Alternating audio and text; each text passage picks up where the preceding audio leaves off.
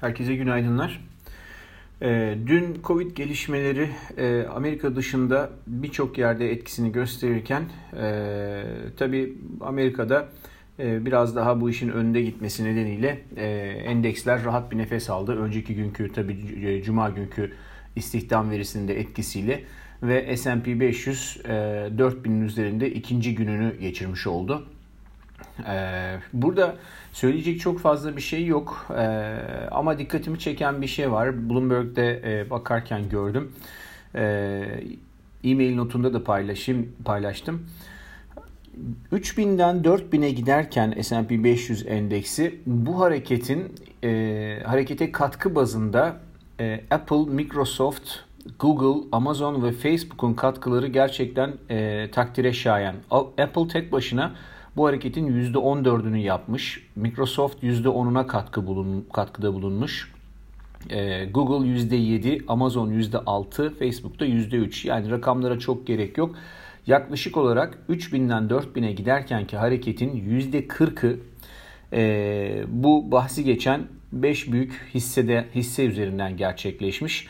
Yani aslında biz bu geçen dönemde işte yok deflasyon, yok reflasyon, e, işte yok e, rotasyon falan gibi böyle teknik terimlerle e, biraz kendimizi avutmuşuz gibi gözüküyor.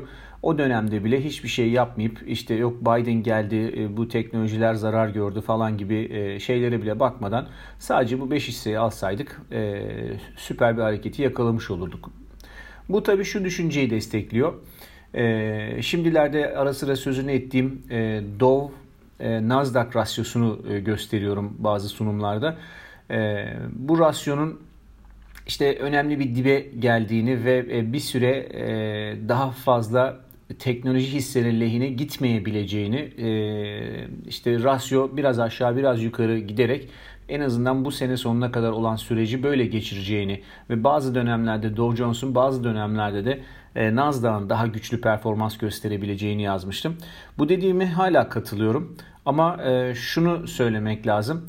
E, yine de görünen o ki işte semikondaktör krizinden tutun da demin saydığım işte kısa süreli risklere rağmen büyük hisseleri portföylerden ayırmamak lazım. Yani biz arada işte arada şeyleri söylüyoruz. Tematik hisse gruplarını söylüyoruz veya işte Biden döneminin hisseleri falan diye. Onlar mutlaka portföylerde olmalı ama onlardan önce portföyün iskeletini oluşturacak hisseler yine bu büyük hisseler olmalı diye düşünüyorum. Şimdi e, şeydeki hisseler hisse senedi tarafındaki güçlü hareketlerden sonra bu sabah e, biraz kar realizasyonu var. Asya ise karışık. E, VIX'e baktığımızda dün akşam kapanış itibariyle baktığımda 18 ee, seviyesinin ilk defa Covid'den sonra 18 seviyesinin altında kapanış yapmış ve e, her şeyin çok güzel olduğuna işaret ediyor. Ama e, burada hala de, aşırı değerlemelerin gerçek olduğunu unutmamak lazım. Dolayısıyla e, su yüzüne vurabilecek riskler hala var burada. Sadece şimdilik sular altında. O yüzden bir süre daha yine hedgeli gitmeye e, devam. Aşağı yönlü put spreadleri e, almak veya VIX e, üzerine yazılı enstrümanlarda call spreadleri almak makul gibi gözüküyor. Birkaç tane hisse haberi vereyim. Dünkü harekette şöyle bir şey oldu bir de. Google Oracle'la yaklaşık 10 senedir süren bir anlaşmazlığının neticesindeki mahkemede Google mahkemeyi kazandı ve mahkeme yüksek mahkeme Google'ın lisanslı lisanssız olarak Oracle'ın yazılını kullanmadığına e, hükmetti. Dolayısıyla hisse dünü %4.2 kapatarak e, bir rekor kapanış yaptı ama işin ilginç tarafı bu anlaşma bu mahkemede mahkemeyi kazanarak 9 milyar dolar tazminat kazanmayı bekleyen Oracle anlaşmayı şeyi mahkemeyi kaybetmiş olsa bile o da e, %3.27 primle günü kapattı ve rekor kapanış yaptı. E, Buna ek olarak bir de Microsoft ve Facebook'ta yine rekor hisse, rekor kapanış yapan hisselerden oldu. Günü kötü kapatan hisse grubu ise tabii petroldeki sert satış nedeniyle enerji hisseleri oldu.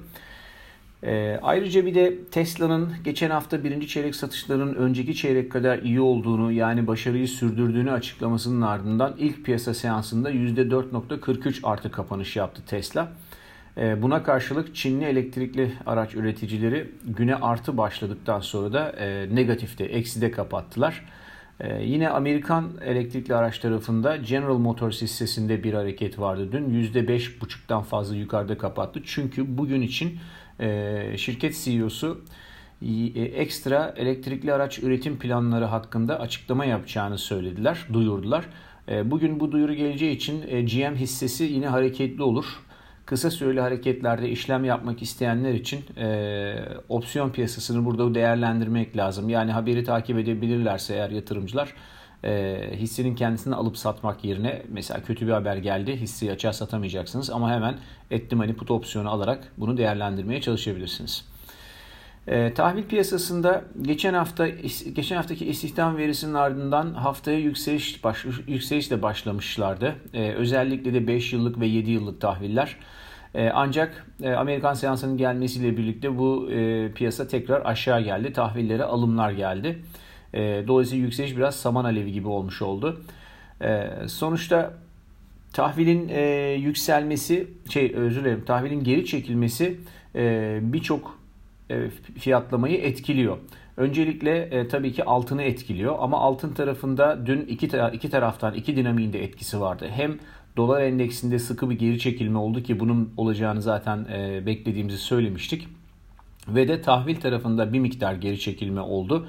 O henüz beklediğimiz mertebede, mertebede değil ama e, olacağını tahmin ediyorum. Dolayısıyla hem tahvil geri çekildi hem dolar endeksi zayıfladı. E, ama altın yeteri kadar güçlü bir tepkiyi dün vermedi. Fakat tahmin ediyorum ki e, bu günlerde artık haftanın geri kalan günlerinde e, yine dolar endeksinin hemen yukarı dönmeyeceğini tahmin ediyorum. E, şeyin de 10 yıllık tahvilin de e, geri gelmeye devam edeceğini tahmin ediyorum. Bu nedenle altında e, yine bir yükseliş için yukarı doğru bir salınım için gerekli şartların oluştuğunu tahmin ediyorum. Muhtemelen 1800'e kadar uzanacak bir alım dalgasının yine ortalarındayız gibi görünüyor. Hatta alımın ikinci dalgasının başındayız diyebilirim. Gümüş de muhtemelen onu takip edecektir. 24 doların hemen altından destek buldu. 4 gündür de 200 günlük hareketli ortalamayı aşağıdan yukarı test ediyor. E, yani muhtemelen demeyeyim ama e, elinde sonunda burayı yukarı doğru kıracak. Belki de bugün kıracaktır. Dolayısıyla e, orada da 26-30'a kadar 26 dolar 30 sente kadar yükselme potansiyeli var diyebilirim. petrolde dün sıkı bir hareket oldu. Hepimiz görmüşüzdür. zaten o konuyla ilgili ekstra bir e-mail atmıştım dün. İran konusu etkili oluyor. E, tabii e, bu şeyin OPEC'in kararları da e, etkili oldu. Çünkü OPEC orada biraz maskelemeye çalışmıştı ama arz talep dengesi eninde sonunda etkisini gösterecekti. E, dolayısıyla 57 dolar hala kritik. Yani orada %6'dan fazla bir satış oldu petrolde ama büyük resme baktığınızda e, bizim beklediğimiz bir hareket olsa bile hala aslında sadece gün içi işlemciler için bir şey, bir fırsat verdi. E, genel resmi değiştirmiyor. Çünkü orada çalışan 62 dolar 20 sent ve 57 dolar 40 sent arasında bir bant var. O bandı henüz kırmış değil. Ne zaman ki 57 doların altında kapanış yapar o zaman daha güçlü bir satış hareketi için kapıyı açmış olur. Bu konuyla ilgili detaylı düşünce için dün gönderdiğim, öğleden sonra gönderdiğim piyasa notuna bakılabilir. Bugün petrol piyasasında e, İran ve Birleşmiş Milletler Güvenlik Konseyi arasında yapılacak olan toplantı var. Yani buradan aksiyon alınabilir bir sonuç beklemiyorum. E, pek bir şey çıkmaz ama yine de e, izlemek lazım. E, petrolde volatiliteye neden olabilir. Bir de buna karşılık olarak e, işte enerji e, bilgi dairesi Energy Intelligence Agency diye bir yer var. İşte onun raporu gelecek. E, o da piyasayı e, görünüm raporu. Takip etmekte fayda var. Son olarak da pariteler tarafında dolar endeksi işte demin dediğim gibi aşağı doğru beklediğimiz hareketi yaptı. 200 günlük hareketli ortalamaya gelmek üzere. Bu hareketlinin hareketli ortalamanın altını bile test etmeden bırakacağını zannetmiyorum. Biraz daha e, burada hareket gelecektir diye düşünüyorum. E, bu da euro dolar paritesini işte 1.18.90 kadar atar herhalde. E, oralara kadar bir marj var gibi gözüküyor. E, sterlinde de keza aynı şekilde 50 günlük hareketli ortalamanın üzerindeyiz e, muhtemelen işte bu şey haberi var. E, restoranların açılacağı haberi. Bana sorarsanız restoranlar istediği kadar açılsın. Para üzerinde, döviz üzerinde hiçbir etkisi olmaz. Ama artık bu Covid haberleri o kadar önemli hale geldi ki konjonktürel olarak e, belki sterlini destekleyen bir faktör olabilir diye düşünüyorum.